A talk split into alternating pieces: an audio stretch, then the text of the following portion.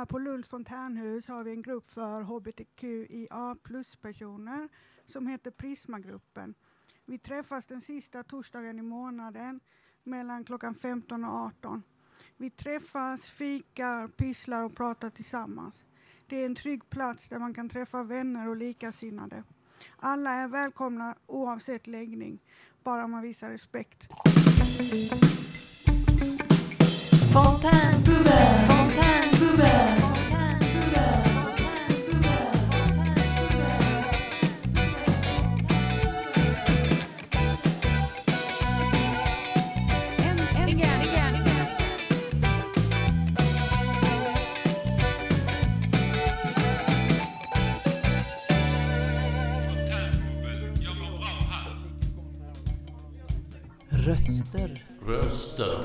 Röster.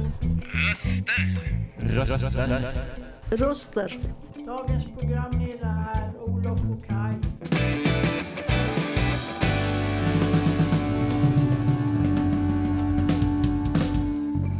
Dina röster i vardagen.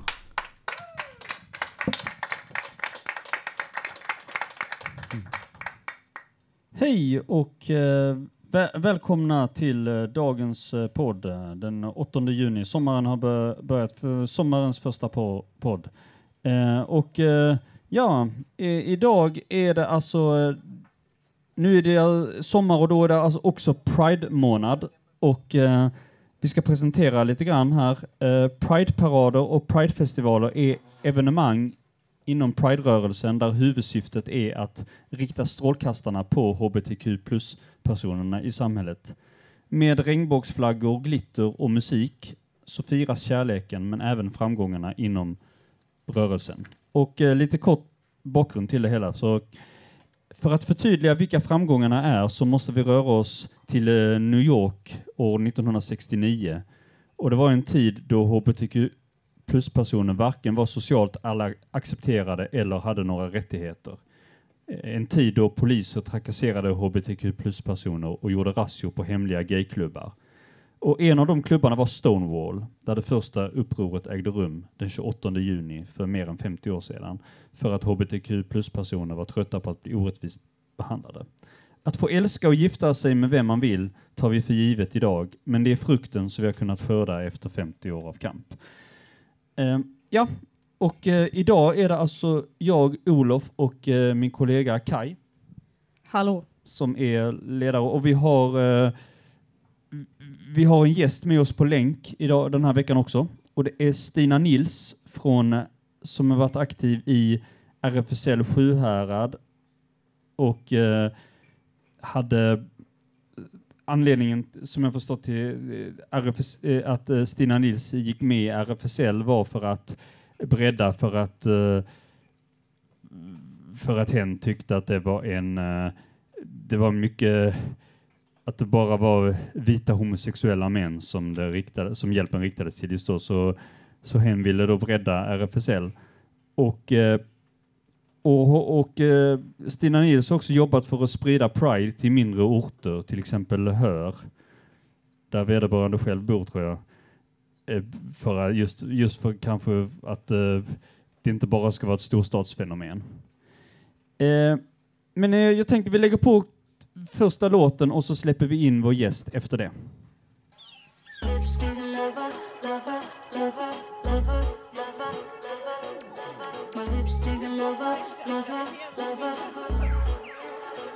Jag det? Förlåt.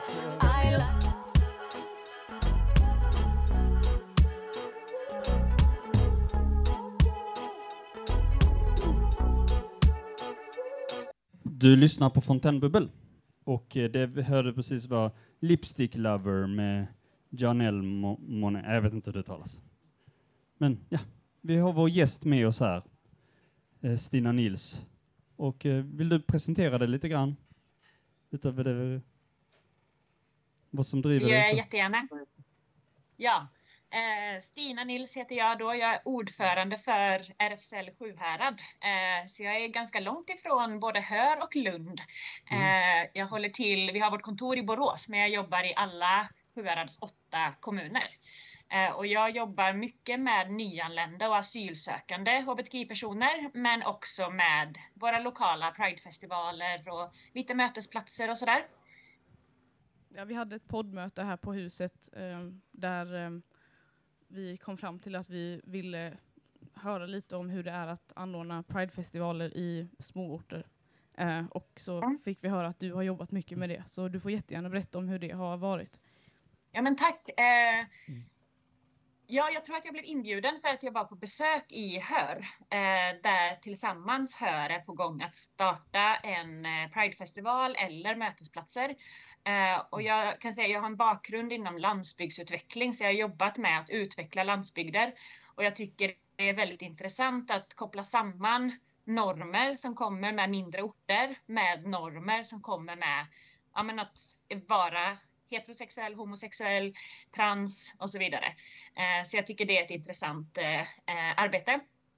Eh, och här lokalt så har, eh, har vi Pridefestivaler i nästan alla våra kommuner och jag jobbar mycket med Ulricehamn Pride eh, och med Tranemo Svenljunga Pride bland annat.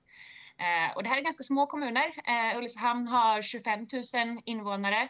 Eh, Tranemo och Svenljunga ligger någonstans 10-11 000 invånare. Eh, så att, eh, men det har varit jättespännande. Jag, vet inte, jag kan prata hur mycket som helst, men ni får gärna ställa frågor. Eh, så. Ehm, men det är jätteintressant. Vi startade runt 2018 i Svenljunga eh, och ville då ja, men ta ett lokalt grepp. Eh, för precis som ni inledde med så har ju Pride-rörelsen egentligen en längre historia än sedan 1969, men det ses som något slags startpunkt med Stonewall-upproret och demonstrationen som var eh, året efter då, 1970.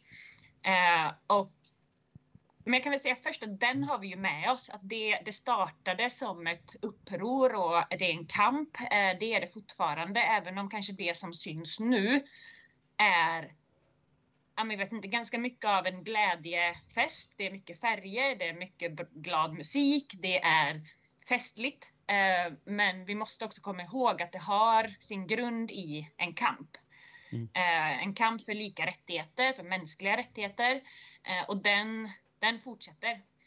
Jag kan väl säga alltså, kort att det finns en, en stark bild av att ehm, landsbygder, olika typer av landsbygder är sämre på mänskliga rättigheter än vad storstäder är. Och det är kanske den bilden som jag vill utmana lite och också därför som jag engagerar mig i RFSL för att kunna sprida det här arbetet och också forma det lokalt efter vad som, eh, vad som faktiskt sker och gäller lokalt. Och då, då gissar jag att du tänker på det här också att det, du är inne på det, att det finns lite grann kanske fördomar mot att de är mindre de, de, man är mindre tolerant på mindre orter och så, men, men samtidigt så, så är det, kan man lika gärna vända på det och säga att det man firar i storstäderna måste dessutom måste man måste väl dessutom kunna firas på de mindre ställena så att säga så att eh, så att eh, folk får ta del av det budskapet som man har i storstäderna även på mindre orter. Så att säga. Ja, dels det, men, men också att kanske omforma hela frågan till att faktiskt eh, det handlar om mänskliga rättigheter. Det handlar om en bild från, om vi ska dela upp det så, från storstaden riktat mot landsbygder. Mm. Där storstaden lägger en bild på landsbygden av att vara eh, konservativ, bakåtsträvande och jag skulle vilja få med eh, fler personer som kanske protesterar mot den bilden. Eller jag tycker själv som bor på landsbygden att det är, det är kränkande att storstadspersoner eller storstaden säger att jag är bakåtsträvande för att jag bor på landsbygd. Det är någon sån snäv bild av en människa. Jag tänker om, eh, om vi lägger på en låt så, till så återkommer vi snart. Här måste vi snacka, det känns som att just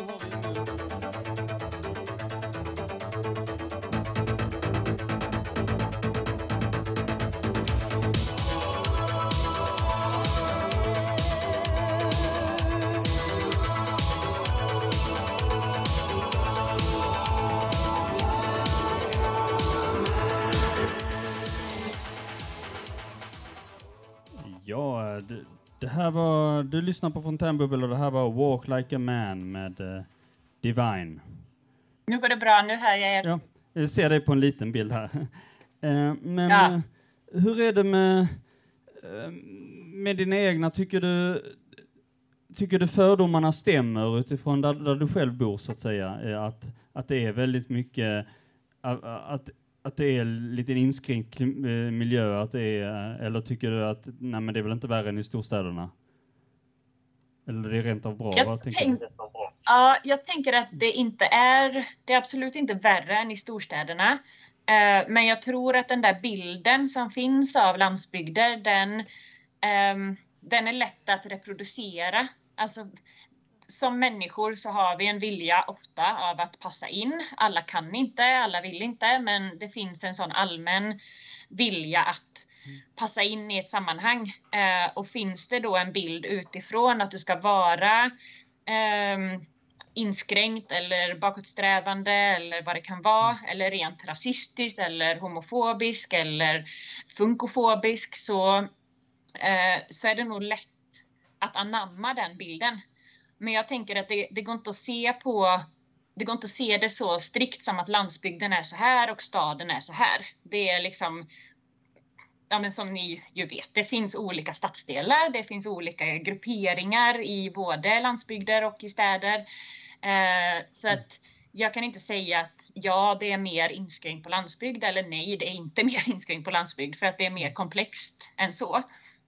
Ehm, och jag tänker att det är den bilden som jag vill utmana. Jag vill liksom ta ett bredare grepp kring att att se till, vi är människor, vi har rättigheter, vi ska kunna bo där vi vill, eh, vi ska kunna vara de vi är oavsett vilka vi är, eh, oavsett var vi vill bo. Det är liksom den, det som är kampen. Eh, och sen om den tar sig uttryck i en pridefestival eller i mötesplatser eller i, jag vet inte, konserter eller bowlingkvällar, vad som helst, så är det det spelar inte så stor roll, men vi måste liksom ta det här greppet om att vi ska kunna vara de vi är, där vi vill vara. Mm.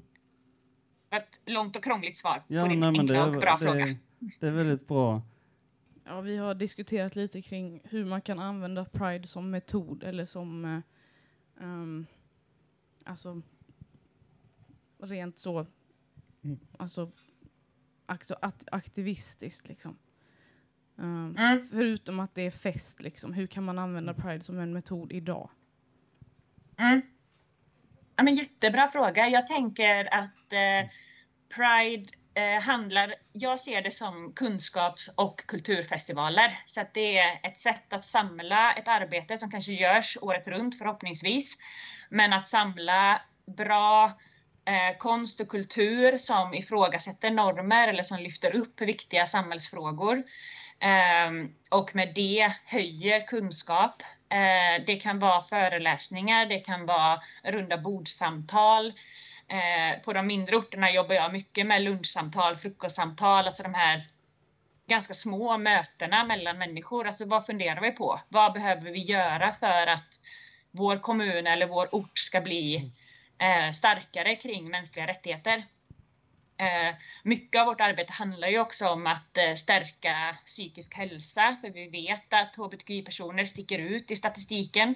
Eh, det ser inte så positivt ut eh, framåt heller, eh, hur hbtqi-personer mår. Eh, så där ser vi också ett viktigt arbete att eh, både skapa mötesplatser men parallellt jobba med att stärka upp kommuner och kanske andra föreningar att arbeta med de här frågorna så att fler ska kunna ta del av fritidsaktiviteter eller kunna känna sig bekväma med att söka upp eh, eh kommuner eller ungdomsmottagning eller vad det kan vara. Ehm, så det, det är liksom ett pussel av många olika delar eh, och jag ser det som jätteviktigt att jobba med allting samtidigt. Det låter ju helt övermäktigt, men, men vi måste jobba med det krångliga ordet intersektionalitet. Att vi liksom ser till människors rättigheter. Eh, och vi som människor är olika, vi är olika eh, funktionsvariationer, vi har olika sexuella läggningar, vi har olika bakgrund, etnicitet, hudfärg. Eh, allt det där kan vi jobba med samtidigt och där kan Pride-festivaler vara ett verktyg eller ett samlande koncept. Om vi ska använda lite tråkigt ord, men ja, ett samlande koncept. Vad fint att du tar upp eh, det här med intersektionalitet. För det är, eh, ehm, ja, men det är inte något som jag tycker det pratas nog om. Att man behöver ha ett intersektionellt perspektiv på saker och ting. Att eh, flera kamper liksom behöver föras samtidigt bredvid varandra och att de går in i varandra. Liksom. Ehm, liksom antirasism och klasskamp och kamp för klimatet och sånt tillsammans med eh, Mm. hbtq-personers eh, rättigheter. Mm. Och så vidare. Verkligen, och vi får aldrig sätta dem emot varandra. Och det är Mm. väl det som jag upplever händer ganska mycket idag. Att olika grupper om, inom med kaninöron sätts mot varandra. Ja. Eh, alltså vi, vi sätter eh, nyanlända personer emot hbtqi-personer, emot personer med normbrytande funktionsvariationer, emot, alltså hela det där. Mm. Äldre sätts mot yngre. Alltså det finns en sån gruppering och ett slagfält och det, det ska vi inte ha. Det gagnar inte, anser jag, eh, mänskliga rättigheter i stort. Nej, verkligen inte. Eh, nej, men jag tänker en del av de me- metoderna, alltså nu Pride, eh, det är ingen enhetlig utan det är ju en festival för alla, så det är väldigt, kommer till väldigt många olika intryck hur man gör. Det är banderoller och det är färgglatt eh, samtidigt som det är, det är lite, ibland är det ganska sexualiserat på vissa ställen. Eh, och eh, så ändå är allting, allting är på något sätt kopplat till Pride. Men hur är det med sådana här, eh, ibland eh, Tycker du att är det, är det problematiskt att det ibland i, i kan finnas sådana här väldigt sexuella anspelningar på vissa där, där, där inom, inom vissa led alltså, och hur eh, och hur ser du att, att det kanske man ibland tar med barn och ser på det och sånt? Eh, ja, bra fråga. Eh, jag har en bekant som jobbar som polis som eh, gav ett bra svar på det där med att liksom överdriva eller ta i med. Det kan vara med klackar som är högre än vad egentligen går att gå i och det kan vara för mycket färg och för mycket naket eller vad, vad som än liksom kritik, kritiken, hur den uttrycks. Eh, men när det handlar om en kamp om rättigheter så behöver vi ganska ofta ta i. Vi behöver överdriva. Alltså det är lite det här nå trädtopparna men sikta på eh, stjärnorna. Liksom. Alltså vi behöver ta i för att make a statement. Alltså vi behöver eh, göra en poäng. Eh, jag kan inte se att det är skadligt för någon att ta del av en Pride-parad. Sen finns det definitivt arrangemang som tydligt riktar sig till barn, tydligt riktar sig till vuxna. Eh, nu det senaste har vi haft en stor diskussion liksom, i media kring eh, dragshow och eh, eh, drag queen som läser sagor för barn. Eh, det är just drag queen som läser sagor för barn. Det riktar sig till barn. Det är anpassat för barn. Så det finns liksom ingen fara i för barn att ta del av det. Sen tänker jag inte att barn ska gå på nattklubbar klockan tre på natten och Nej. ta del av det som sker där. Alltså, det är olika saker så vi Ja. måste också skilja på uttrycken. Liksom. Ja, du menar att det finns olika, de, de här, eh, de, de här som, det har ibland använts som slagträ i debatten när man har visat bilder på sådana här väldigt grova så här BDSM-bilder och så har de kopplat, det kopplats ihop med Pride och så har folk skrivit, är det v- bra att våra barn ser på det här? Men då har de, då har de på något sätt kopplat väldigt, en väldigt löst baserad så att säga i, det är det du menar att de har, det är inga barn ändå som går och ser det här så att säga? Ja, delvis, men jag tänker också att um, i de fallen så finns det också en saknad av att kunna ta ett samtal med att människor är olika. Vi gör olika saker i olika tider. Det finns ju med i barnkonventionen att, att här, du ska aldrig bli utsatt på något sätt. Du ska, alltså det finns massa grejer i barnkonventionen som säger vad du har rätt till. Men i det ligger också ett ansvar från vuxenvärlden att förklara vad som är vad. Eh, och då är det inte skadligt att se liksom BDSM-grupperna som går i Pride-paraden öppet på dagtid. Det är inte skadligt för barn. Men det måste finnas en vuxenvärld som kan förklara. Och där återigen, liksom, det är en kunskapsfestival. Vi behöver höja kunskapen kring vad det handlar om. Ja. Eh, ja, det var väl de frågorna vi hade om Pride Summit. Vi, vi lägger på en låt och så pratar vi allmänt, reflekterar om samhällets attityder. Låter det som en bra idé? Jättebra. Vill du ställa lite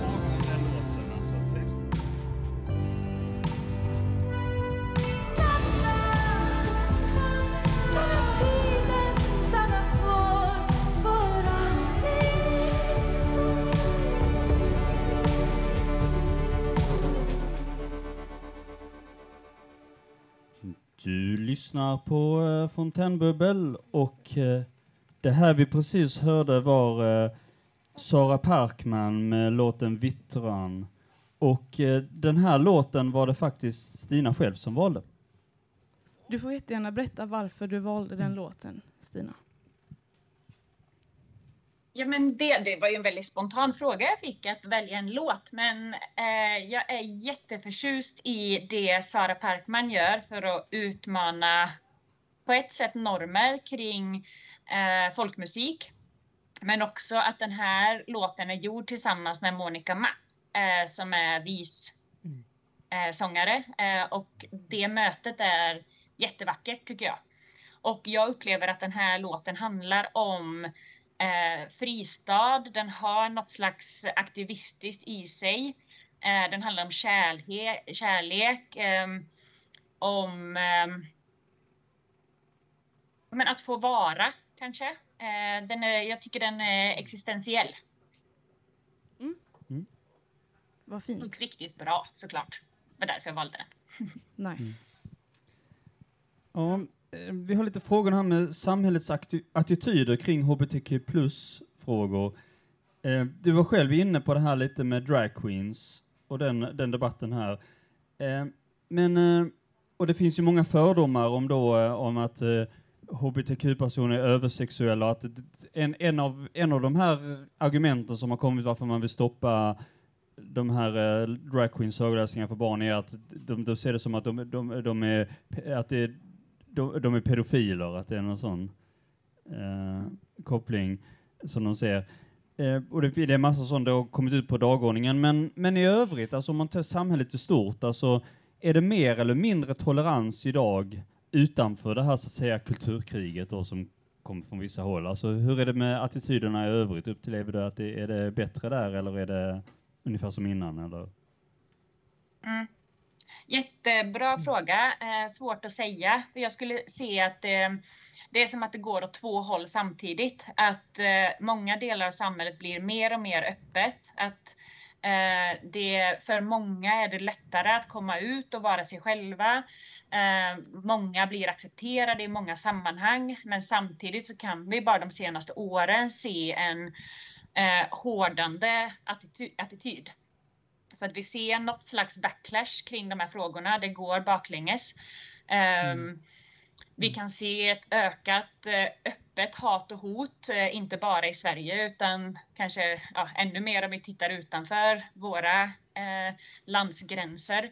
Ehm, så att, jag, just nu skulle jag säga att jag inte ser jättepositivt på vår samtid kring de här frågorna, kring mänskliga rättigheter. Eh, bara så sent som nu för ett par veckor sedan så eh, skrev Ugandas president under den lag som eh, kan ge dödsstraff för det som kallas för grov homosexualitet. Eh, men även tio års fängelse för eh, försök till homosexualitet. Så det, liksom, det går absolut inte framåt överallt. Det gör det på vissa håll. Eh, Men jag tänker om vi, om vi pratar om en lokal kontext så kan vi inte luta oss tillbaka och vila på att de rättigheter som vi har nu i Sverige är eh, liksom skrivna i betong, för det är de inte. Det är Nej. människor som skriver lagar, det kan ändras snabbt eh, och det ser vi i många andra länder. Och vi ser en attityd i Sverige nu som, eh, som är hårdare mot personer som bryter mot normer. Och det gäller inte det bara eh, hbtqi-personer utan bredare ökad rasism, ökad funkfobi, ökad eh, homo och transfobi. Just det. Det är därför vi också börjar prata mer om liksom homohat och transhat, för att det är ett mer riktat eh, ogillande. Eh, det är inte en fobi enbart, eh, även om homofobi och transfobi är illa nog, så finns det ett mer uttalat hat idag än eh, för ett tag sedan. Ja, Men så funkar ju historien också, det går upp och ner. Det har hänt saker eh, eh, i olika tider, långt, eh, långt innan 1969. Men just nu ser jag att vi eh, står still eller går bakåt. ja. Mm. ja, det var som du sa, det här med att man inte kan luta sig tillbaka även här i Sverige. Bara nu, om det Mm. var i går eller i förrgår, så är det ju ett... Eh, Transammans håller ju ett kollo för barn som identifierar sig som trans, som har blivit tvungna att ställa in för att nazister har hört av sig, eller de har i alla fall hotat med på något sätt att eh, göra någonting om det här kollot blir av. Mm. Liksom, vilket är helt Precis. fruktansvärt. Precis. Mm. Och det kan ju ses som ett jättenederlag att behöva lägga ner ett kollo som är jättepopulärt och alltså, det finns så många som uttrycker hur viktigt det här är. Så många familjer och eh, Mm. transbarn som är på det här kollot som eh, ja, det är liksom livsviktigt det här kollot. Och Visst. behöva ställa in det på grund av hat och hot, det är ju fruktansvärt. Ja. Ehm, så där är vi idag och det är väl ett bevis. Det är jättebra att du tar upp det. Ett Ja. bevis på att vi inte eh, är framme liksom. Eller att allt går inte framåt. Nej men precis. Jag har faktiskt eh, själv varit ledare på det kollot för några år sedan och Mm. eh, själv fått bevittna vilket, vilket fantastiskt liksom, sammanhang det är för barn som redan har det så tufft i vårt samhälle. Eh, att få Mm. vara med varandra och träffa andra som går igenom liknande grejer och ändå får liksom mötas i det och typ grilla korv och bada och sånt. Och det är så tråkigt. Det är så Mm. himla tråkigt att de här kidsen har fått det här eh, fråntaget. Liksom. Ja, ja. och det, det är liksom inte en enskild händelse tänker jag. Vi ska inte se det som att det var ett kollo som Nej. fick ställas in på grund av hat och hot. Utan det hänger ihop med den allmänna samhällsattityden. Kanske Ja. var lite det jag försökte säga innan med att Mm. eh, vi ser någon slags backlash. Ja, visst. Mm. Ja. Ska, ska vi lägga på en låt så återkommer vi och pratar om eh, allmänt stämplar och etiketter och hierarkier och sånt.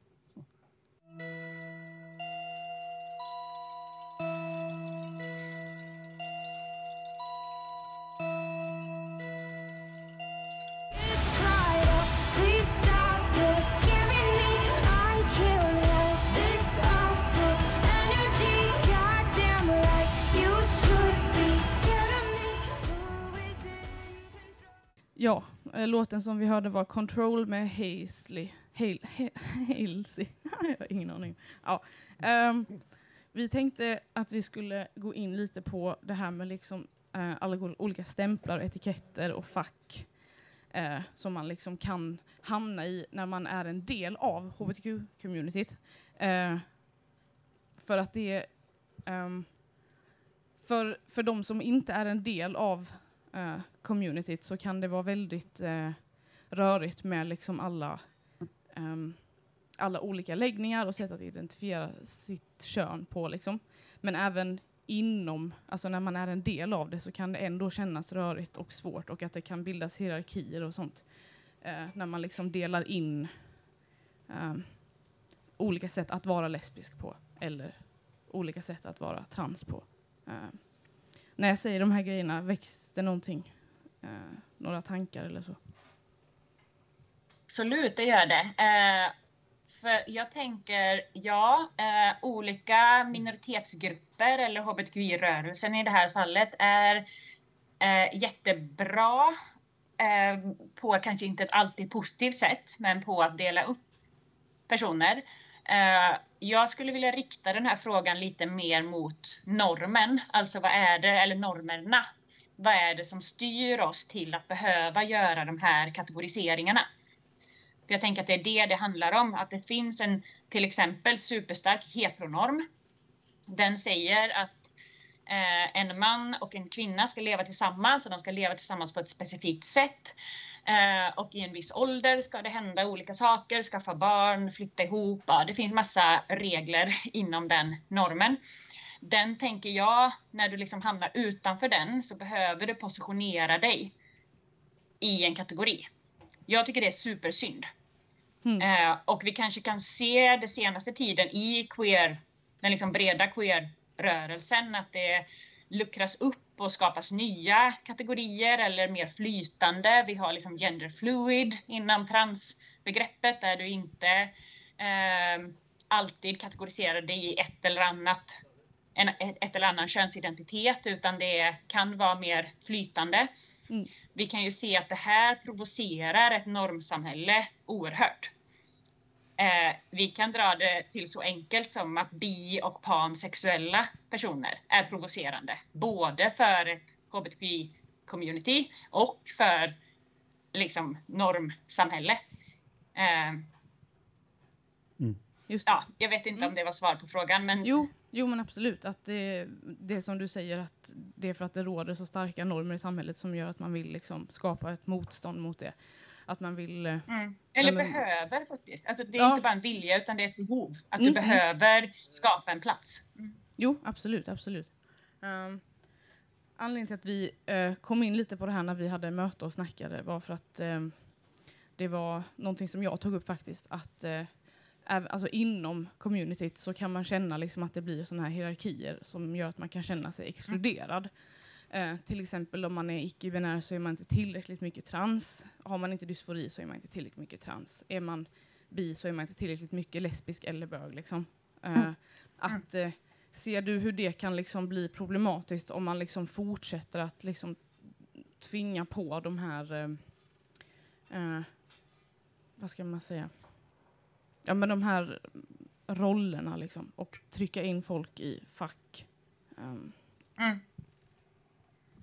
Mm, jag tycker att det är jätteproblematiskt att trycka in människor i fack. Eh, jag tänker ju att alla identiteter ska kunna finnas. Eh, som jag sa innan, vi ska kunna vara de vi är oavsett liksom. Mm. var vi vill bo och vilka vi är, det spelar ingen roll. Eh, men jag kan ju se en, fortfarande så finns det en poäng eller en vikt av att ehm, lyfta upp vad sexualitet, vad sexuell läggning, vad könsidentitet är. Jag skulle jättegärna se mer samtal kring ja, men hur känns det att vara cisperson? Hur känns det att vara heterosexuell? Det är ganska få föreläsningar som handlar om det, men det är en Mm. väldans massa eh, föreläsare som är ute och pratar om hur det är att vara normbrytare. Så att eh, återigen då rikta fokus mot normen. Eh, men ja, jag kan se det som problematiskt att, eh, att kategorisera, men när vi har ett så starkt normsamhälle så behöver vi också göra det för att Mm. eh, personer som bryter mot normer har inte samma rättigheter. Nej, just det. Jag tror det som vi har fokuserat lite mer på när det kommer till de här stämplarna är nog inte riktigt liksom att visa att man är typ icke-binär inför ett väldigt normativt, heteronormativt och eh, tvåkönsnormativt samhälle. Utan mer typ eh, när det, att det finns olika kategorier inom att vara lesbisk till exempel. Det finns lip, lipstick lesbian och det Ah. finns gold star lesbian och sånt. Att man liksom... Ja. ehm, att det blir... Ja, gold star lesbian betyder att man aldrig har varit med en man. Och att det liksom är mer åtråvärt att man aldrig har rört vid en man än att så. Att det, det är nog mer det vi fo- fokuserar på i vårt samtal i alla fall. Just det hade varit nice att få höra din åsikt om de grejerna. Just det, jättebra. Tack för att du förtydligar eh, så jag förstår. Eh, det finns ju definitivt. Eh, så. Och eh, är eh, skadliga normer, tänker jag, inom hbtqi eh, samhället då. Jag vill egentligen inte Mm. dela upp det så strikt, men, men när vi pratar om det på det här sättet så, så eh, tänker jag att det finns, ja men bara kolla på den gamla serien eh, L-word Mm. där det liksom verkligen är gold, golden lesbian, den som aldrig har eh, varit med en man, är liksom den absolut coolaste, den mest framstående, det är den som alla ser upp till Mm. eh, och så vidare. Att det är någonting eh, åtråvärt liksom. Eh, jag tycker mig inte se lika mycket av det idag. Mm. Det tror jag var större i början av 2000-talet, i alla fall där jag har rört mig. Eh, men det finns ju definitivt kvar. Mm. Och du ska vara så här, gillar du inte slager får du ens vara med då. Eh, alltså jag blir utskälld på kontoret för att jag inte gillar slager. Wow. Eh, för det hör liksom till eh, communityt. Eh, den tänker jag så här, jag måste kunna vara en hbtqi-person som bor på landsbygd och gillar eh, annan musik än slager och ändå få, få vara precis lika värdefull som någon annan. Liksom. Ja, just det. Det visar ju på hur viktigt det är att vara en individ framför att man är något annat. Liksom. Att, eh, bara för att man är hbtq så betyder det att det kommer med massa annat som man också är, som, man, som appliceras på. ehm, nej. Nej. Nej men verkligen, men att och det gäller ju egentligen alla normbrott, liksom, att vi kategoriseras utifrån våra normbrott först, oavsett om det är att i en svensk kontext vara icke-vit, att ha en annan religion än kristendom eller ateism, att eh, ha en normbrytande funktionsvariation, att vara homo eller bi eller pansexuell eller vara något annat än man och kvinna. Allt det där kommer med kategoriseringar. Ehm, att så här, är du en ung kille från Afghanistan så ska du tycka om fotboll. Det Mm. ingår i den identiteten. Gör du inte det så krockar det med allting. Då vet inte folk hur de ska bemö- bemöta dig. Eh, och det där måste vi vara bättre på att luckra upp, tänker jag. Och det är en del, tänker jag, av både Pride och hbtq-kampen och alla liksom, kamper kring mänskliga rättigheter. En sak som jag tänker på är, vi ska snart lägga på en låt, eh, men, men jag tänker, alltså, bara som lite kuriosa, men det har ju en debatt har ju varit det här man, man klassificerar hbtq-personer eller feminister eller vad, vad man nu, som inte, som man upplever exkluderar eh, transpersoner, att man kallar dem TERF, eh, Trans Exclusive Feminist. Eh, och, eh, Mm. Men där har det varit, där har det till, exempel- till exempel Kathleen Stock som blev stoppad av transaktivister för att tala på Oxford Union. Och det var ju idéer om att, att eh, då, eh, hon inte tyckte att man skulle ha samma man skulle inte, transpersoner och, va- och vanliga kvinnor så att säga skulle inte dela borde inte dela, det var, del, det var skadligt för kvinnokampen om de, de skulle dela rum. Och samma det här med kritiken mot J.K. Ro- Rowling som också har kommit, eh, där, där det är mycket. Eh, men samtidigt, alltså, det har ju ändå varit frågor som ändå, som ändå har, till exempel det här, är det rätt att de som har ett övertag manliga hormoner, att de ändå ska kunna tävla med biologiska kvinnor och sånt? Och är det verkligen rätt? Alltså är, är inte det ändå komplexa frågor som man kanske inte ska avfärda alla som diskuterar, eller som för upp det på tal? Att man ska avfärda dem och sätta dem i, ett, i en fördomsfull kategori. Mm. Mm. Uh jättebra. Nu är det jättebrett. Jag vet inte hur mycket vi ska gå in på idrott, för då kan vi prata i två timmar bara om Mm. idrottsvärlden, liksom, eller framförallt elitidrott. Mm. Men jag tänker det här... Eh, ja, men jag vet inte, att, att prata om vad som är en riktig person, en riktig könsidentitet, en riktig, som du var inne på innan, eh, homosexuell person. Där har vi en stor fara. Mm. Alltså vilka är det som tar sig rätten att säga att det här är en riktig kvinna, det här är en riktig eh, lesbisk person. Alltså var kommer det ifrån? Jag tänker vi måste återigen då rikta blicken åt ett annat håll Mm. och prata om men vilka är det som tar sig rätten till det? Och varför?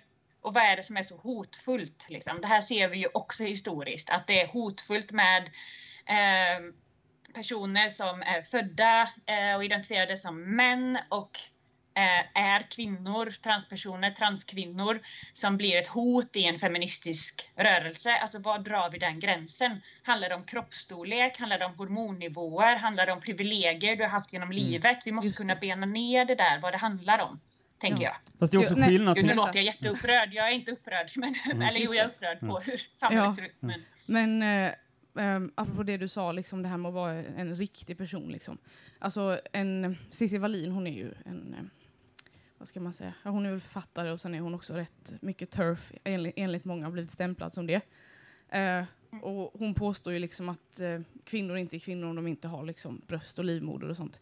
Eh, men samtidigt som när man frågar henne om det är det som är att vara kvinna, att ha bröst och livmoder, så säger hon nej, reducera mig inte till mitt könsorgan eller till mina bröst.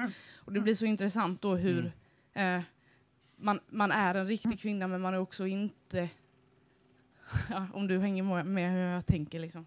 Ehm, det blir väldigt eh, motsägelsefullt att påstå att vissa inte är riktiga kvinnor för att de inte har vissa kroppsdelar samtidigt som man minsann är mer än en, mer än en kvinna, liksom, man är människa.